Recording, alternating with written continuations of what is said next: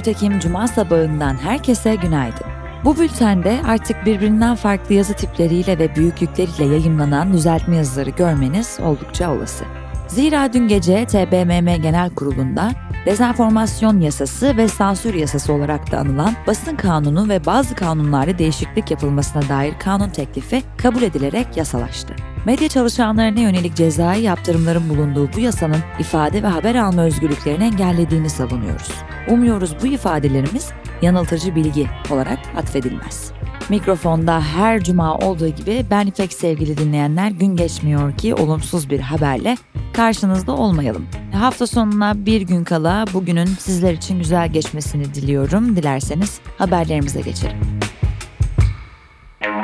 Bugünün bülteni QNB Finans Bank ile birlikte ulaşıyor. QNB Finans Bank iştiraki QNB Finans Leasing, yeşil ekonomiye dönüşüm için yarattığı önemli kaynaklara bir yenisini daha ekledi. Ayrıntılar bültende.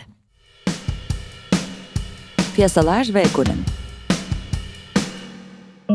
Türkiye Cumhuriyet Merkez Bankası net uluslararası rezervleri 7 Ekim'le sona eren haftada 2,7 milyar dolar artışla 12,4 milyar dolar seviyesine yükseldi. Rüt rezervler ise aynı hafta içinde 6,9 milyar dolar artışla 113,9 milyar dolar oldu. Aile ve Sosyal Hizmetler Bakanı Derya Yanık, ailesinden uzakta yaşayan öğrencilere verilecek ulaşım desteğinin tek yön için 500 lira olmak üzere yılda iki kez verileceğini duyurdu. Bakan bu yolla her öğrenci için yaklaşık 2000 lira ödeme yapılacağını ifade etti. Çalışma ve Sosyal Güvenlik Bakanı Vedat Bilgin, asgari ücrete ilişkin Aralık ayında enflasyonun tahribatını ortadan kaldıracak bir düzenleme yapacağız. Asgari ücret 20 bin lira da olsun diyebilirim ama işverenin ödeyebileceği bir rakam olması lazım. Kamuoyundaki asgari ücret söylentileri gerçeği yansıtmıyor, dedi. ABD'de tüketici enflasyonu Eylül'de aylık bazda %0,4 artışla yıllık bazda %8,2 seviyesine gerileyerek %8,1'lik piyasa beklentisinin üzerinde gerçekleşti. Enerji ve gıda hariç çekirdek enflasyon ise aylık bazda %0,6 artışla yıllık bazda %6,6 seviyesine yükselerek 40 yılın zirvesini kaydetti. Fransa merkezli doğal gaz tedarik operatörü GRT Gaz, enerji krizinin etkilerini azaltmak amacıyla ilk kez Fransa'dan Almanya doğal gaz sevkiyatına başlandığını açıkladı. Uluslararası Enerji Ajansı, OPEC Plus tarafından alınan arz kesintisi kararının hali hazırda resesyon eşiğinde olan dünya ekonomisi için bir kırılma noktası olabileceği konusunda uyarıda bulundu. İş dünyası ve teknoloji Forbes'un Statista ile hazırladığı dünyanın en iyi işverenleri listesinin 2022 sonuçları yayımlandı. 800 şirketin sıralandığı ve Türkiye'den Koç Holding'in 161. Sabancı Holding'in ise 574. olduğu listede ilk 5'te Samsung, Microsoft, IBM, Alphabet ve Apple yer aldı. Total Energies Fransa Maliye Bakanı Bruno Le Maire 3 haftadır süren grevlere ilişkin kapasitesi olan şirketler ücretleri artırmakla yükümlü ve Total bunlardan biri. Açıklamasının ardından sendikalarla ücret görüşmeleri yapmayı teklif etti. Siemens, Mercedes-Benz, Stellantis ve Total Energies'in ortak girişimi Automotive Cells Company yani ACC ile anlaşma imzaladı. Siemens, elektrikli araçlar için 7 milyar avro yatırımla batarya fabrikaları kuracak girişimin otomasyon, dijitalleşme ve elektrifikasyon süreçleri için teknoloji ve ekipman sağlayacak.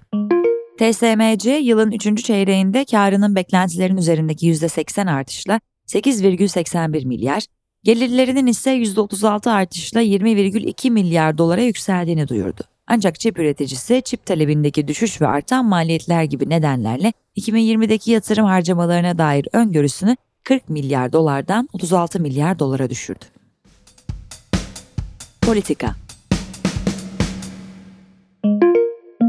Kamuoyunda dezenformasyon yasası ve sansür yasası olarak adlandırılan basın kanunu ve bazı kanunlarda değişiklik yapılmasına dair kanun teklifi TBMM Genel Kurulu'nda kabul edilerek yasalaştı. CHP Grup Başkan Vekili Engin Altay, Cumhurbaşkanı Erdoğan'ın yasa teklifini onaylaması durumunda Anayasa Mahkemesi'ne iptal başvurusunda yapacaklarını açıkladı. İyi Parti Grup Başkan Vekili Erhan Usta, bu yasa bu korku ve baskı iklimini daha da artıracak. Bu bir zulüm yasasıdır, dedi.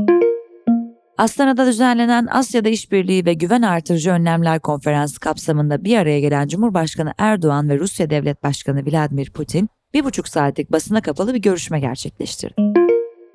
Dışişleri Bakanlığı, Türkiye'nin Suriye'nin kuzeyine düzenlediği Barış Pınarı Harekatı döneminde ABD tarafından yayınlanan ve Türkiye'ye yönelik çeşitli ithamlar içeren başkanlık kararnamesinin yinelenmesini kınadı. Bakanlıktan yapılan açıklamada ABD tarafından Ekim 2019'dan bu yana Suriye bağlamında ulusal acil durum başlığıyla yayınlanmakta olan başkanlık kararnamesi 12 Ekim 2022 tarihinde aynen yinelenmiştir. Ülkemiz hakkında temelsiz iddia ve ithamlar içeren bu kararnameyi kınıyoruz ifadeleri kullanıldı.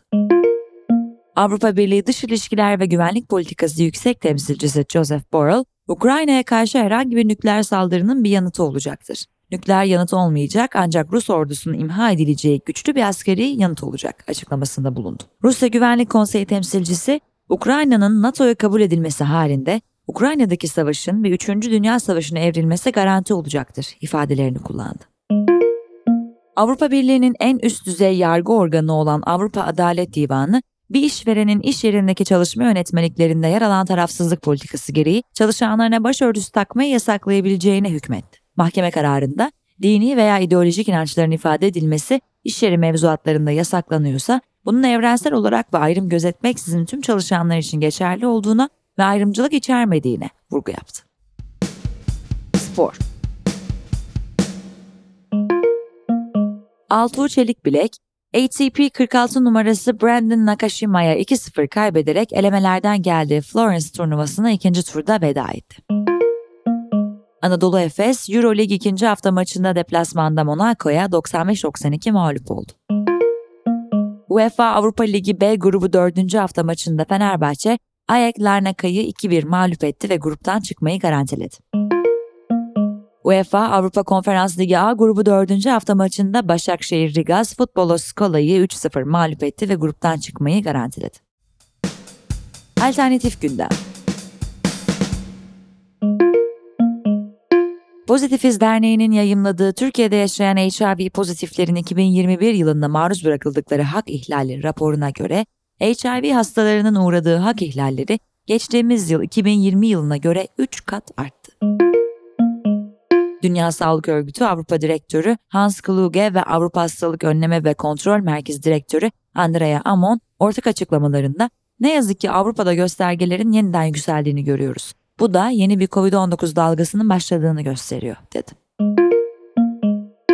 Önce Çocuklar ve Kadınlar Derneği'nin HPV aşısı olan bir kadına aşı ücretini SGK'nın geri ödemesi talebiyle açtığı davada mahkeme, ücretlerin ödenmesine karar verdi. BBC Türkçe'ye konuşan derneğin avukatı Çisel Demirkıran, daha fazla dava açarak kamuoyu baskısını sürdürmemiz gerekiyor.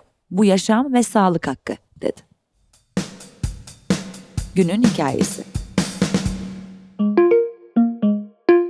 Günün hikayesinin konusu gezegen savunması ve insanlık için dönüm noktası DART misyonu. Sevgili İrem Denli sizler için hazırladı. 11 Ekim Çarşamba günü Ulusal Uzay ve Havacılık Dairesi NASA'nın tarihin ilk gezegen savunma sisteminin testi kapsamında gerçekleştiren DART yani Çift Asteroid Yönlendirme Testi misyonunun başarıyla sonuçlandığı açıklandı. Bu insanlığın dünya için tehlike oluşturabilecek göksel cisimlere karşı kendini savunmak için artık bir silaha sahip olduğu ve olası bir senaryoda dinozorların kaderini paylaşmak zorunda olmadığı anlamına geliyor.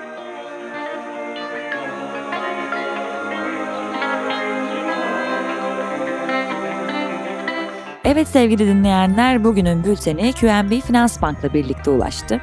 Sizlere şimdiden harika bir hafta sonu diliyorum. Tabii ki güncel konularda ne kadar harika olabilirse. Yine de pozitif kalmaya devam edelim ve elimizden gelen en iyi şeyi yapmaya her zaman olduğu gibi biz devam edeceğiz. Tekrardan görüşünceye dek yani çarşamba gününe dek mikrofonda ben İpek sizlere hoşçakalın diyorum.